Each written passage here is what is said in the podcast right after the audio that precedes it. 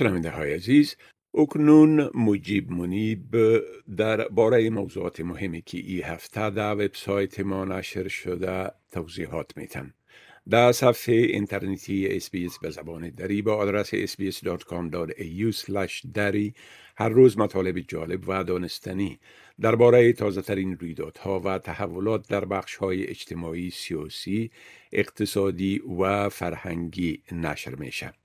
آقای منیب سلام عرض می کنم خب اولتر از همه اگه بگوین که در این هفته چی حوادث مهم رخ داده که در وبسایت ما هم نشر شده؟ سلام آقای که به شما و شنونده های عزیز. در جریان این هفته انتونی البنیزی صدراعظم جدید استرالیا کابینه خود را معرفی کرد که در آن شمار زیاد زنان حضور داشتند و برای اولین بار دو وزیر مسلمان هم سوگند یاد کردند در مورد تعیین و سوگند وزیران جدید کابینه فدرالی استرالیا در این هفته چندین مطلب داشتیم. آقای پیتر دتن به حیث رهبر حزب لبرال تعیین شد.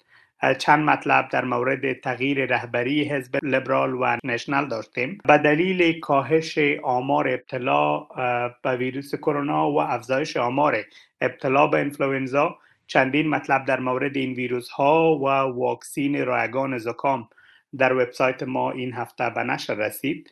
هفته آشتی ملی که هر سال بین 27 ماه می و 3 جون برگزار می شود.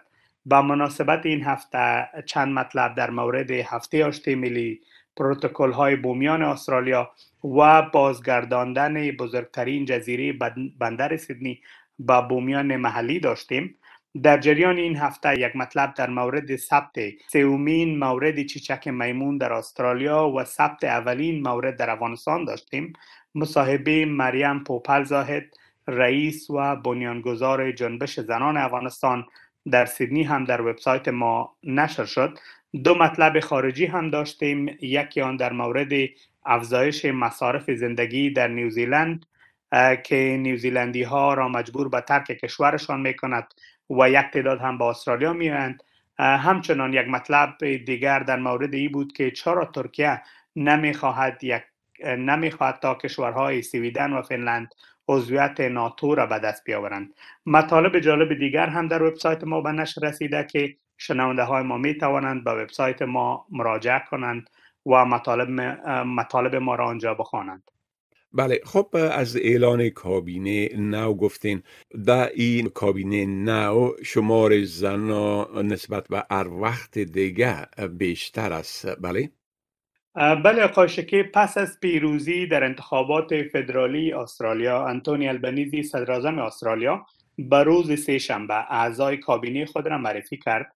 کابینه آقای البنیزی 23 عضو دارد که ده تن آن را زنان تشکیل می دهد و طور, که شما گفتین این اولین بار است که در کابینه فدرالی استرالیا شمار زیاد زنان حضور دارند. آقای البنیزی گفت که این بیشترین تعداد زنان است که تا اکنون در کابینه استرالیا خدمت کرده است. اعضای کابینه به روز چهارشنبه در حضور نماینده رسمی ملکه انگلستان در استرالیا جنرال دیوید هارلی در شهر کانبرا سوگند یاد کردند.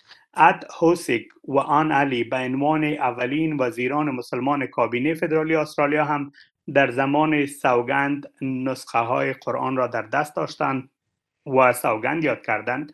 تعیین ای دو مسلمان به عنوان اعضای کابینه جدید استرالیا مورد استقبال اعضای جامعه مسلمانان استرالیا قرار گرفته است.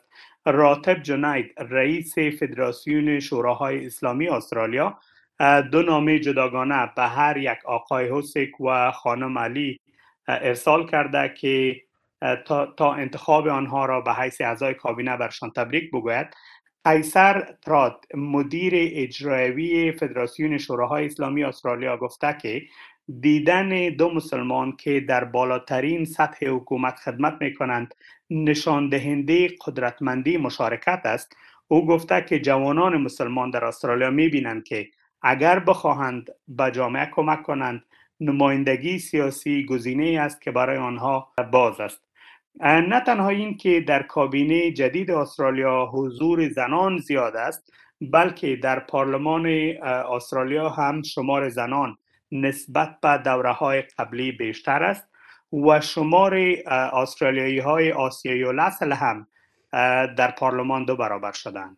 بله خب همچنان از هفته آشتی ملی و برگردانده شدن یک جزیره در سیدنی به مالکین بومیشان صحبت کردین. اگر لطفا در ای باره یک مقدار معلومات بتین شکیب هفته آشتی ملی زمان است که همه استرالیایی ها درباره تاریخ، فرهنگ و دستاوردهای مشترک خود می آموزند و با ایجاد مناسبات بهتر با مردم ابوریجنال و جزیره نشینان تنگ تورست در این آشتی کمک می کنند.